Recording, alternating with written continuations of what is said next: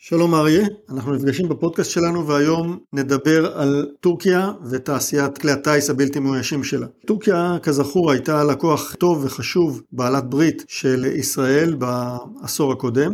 במהלך העשור התפתחה עוינות בין אה, טורקיה וישראל, בעיקר בהיבט של התמיכה של ארדואן והמשטר שלו בפלסטינים. הייתה גם נסיגה בשיתוף פעולה הביטחוני, פרויקטים של השבחת טנקים נסגרו, מל"טים שנמכרו לטורקים, מל"טי הרון של התעשייה האווירית, הרכש לא המשיך, ו... במקביל גם ארצות הברית אה, אסרה על אה, ייצוא של כלי טיס לא מאוישים לטורקיה, וטורקיה נותרה עם רצון בלי מוצרים שהיא יכלה לרכוש. וכמו שהיה המצב בישראל אחרי מלחמת ששת הימים, שעמדנו מול האמברגו הצרפתי ומחסור בכלי נשק ופיתחנו הכל לבד, הטורקים הלכו באותה דרך, החלו לפתח מל"טים בעצמם, זה החל בפיתוח של מל"ט שבא למלא את מקומו של ההרון הישראלי בחיל האוויר הטורקי, מל"ט שנקרא אנקה אס, פותח על ידי אה, התעשייה האווירית הטורקית. בהמשך זה הגיע ל...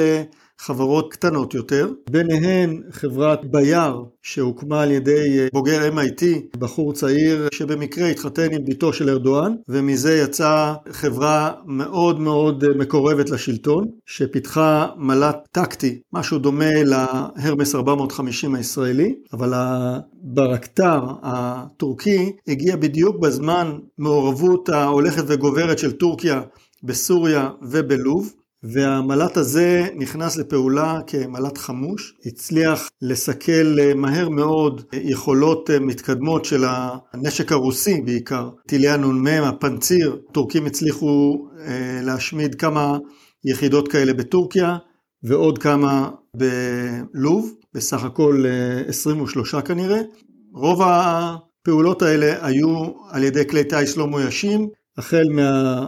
ברקטר הזה וגם אה, חימושים משוטטים תוצרת ישראל, כך שיש לנו שתי פלטפורמות מתקדמות ומבצעיות. הטורקים לאחרונה פיתחו גם אה, מל"ט כבד, משהו מקביל להרון TP הישראלי, וגם אה, מל"ט זעיר שהוא בין uh, משוטט לכלי טיס לא מאויש, שמאפשר לשאת uh, מקלע או uh, משגר רקטות, וממש uh, לייצר אש אוטומטית רציפה מהשמיים. כך שלטורקים יש יכולות, יש uh, טכנולוגיה, ויש ניסיון מבצעי ששנה שעברה הוכח במלחמה בין אזרבייג'אן לארמניה, ועכשיו גם האוקראינים רכשו את המל"טים האלה, והם מתכוונים להשתמש בהם כאמצעי נגד לארטילריה. הארטילריה וההגנה האווירית הרוסית, בדומה לשיטות שהאזרים השתמשו בהם כנגד הארמנים. כן, אתה העלית פה נושא מאוד מעניין. ישראל הייתה מדינה מובילה בתחום המל"טים, כלי הטיס הבלתי מאוישים. טורקיה זה דוגמה מצוינת למדינה שלקחה את העסק ברצינות, לא מסתכלת על שום מגבלה בינלאומית כמו ה-MTCR וכמו כל מיני דברים אחרים שישראל קיבלה על עצמה את כל המגבלות האלה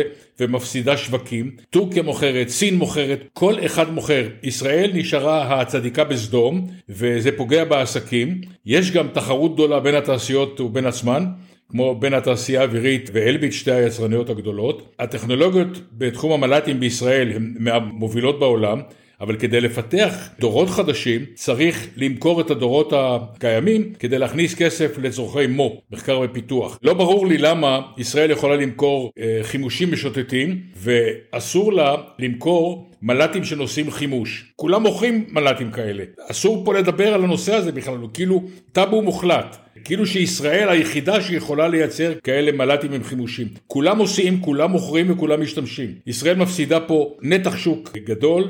אין היגיון בזה שאתה מאפשר לחברות ישראליות למכור חימוש משוטט ולא למכור מל"טים שיכולים לשאת חימוש. הרבה מדינות בעולם משתמשות במל"טים גם לצורכי מודיעין, גם לצורכי תצפית, אבל גם ככלי תוקף. ולכן ישראל צריכה לעשות אה, חישוב מסלול מחדש בנושא של ייצוא המל"טים שלה, כי אם היא רוצה לפתח דורות חדשים ולהישאר באחד המקומות הראשונים בתחרות הבינלאומית על שוק המל"טים ההולך וגדל. מערכת הביטחון בעיקר, שמפקחת על התעשיות האלה, צריכה לעשות חשיבה חדשה על כל הנושא. כדאי להסתכל שוב על הפריסה השיווקית הבינלאומית שלהם. תוך אה, שנים ספורות הטורקים אה, מכרו מל"טים תוקפים, מכרו לאוקראינה, לפולין, לקטאר, לתוניס, למרוקו, לאזרבייג'אן, כמובן בלוב מבצעו אותם, ועוד היד נטויה.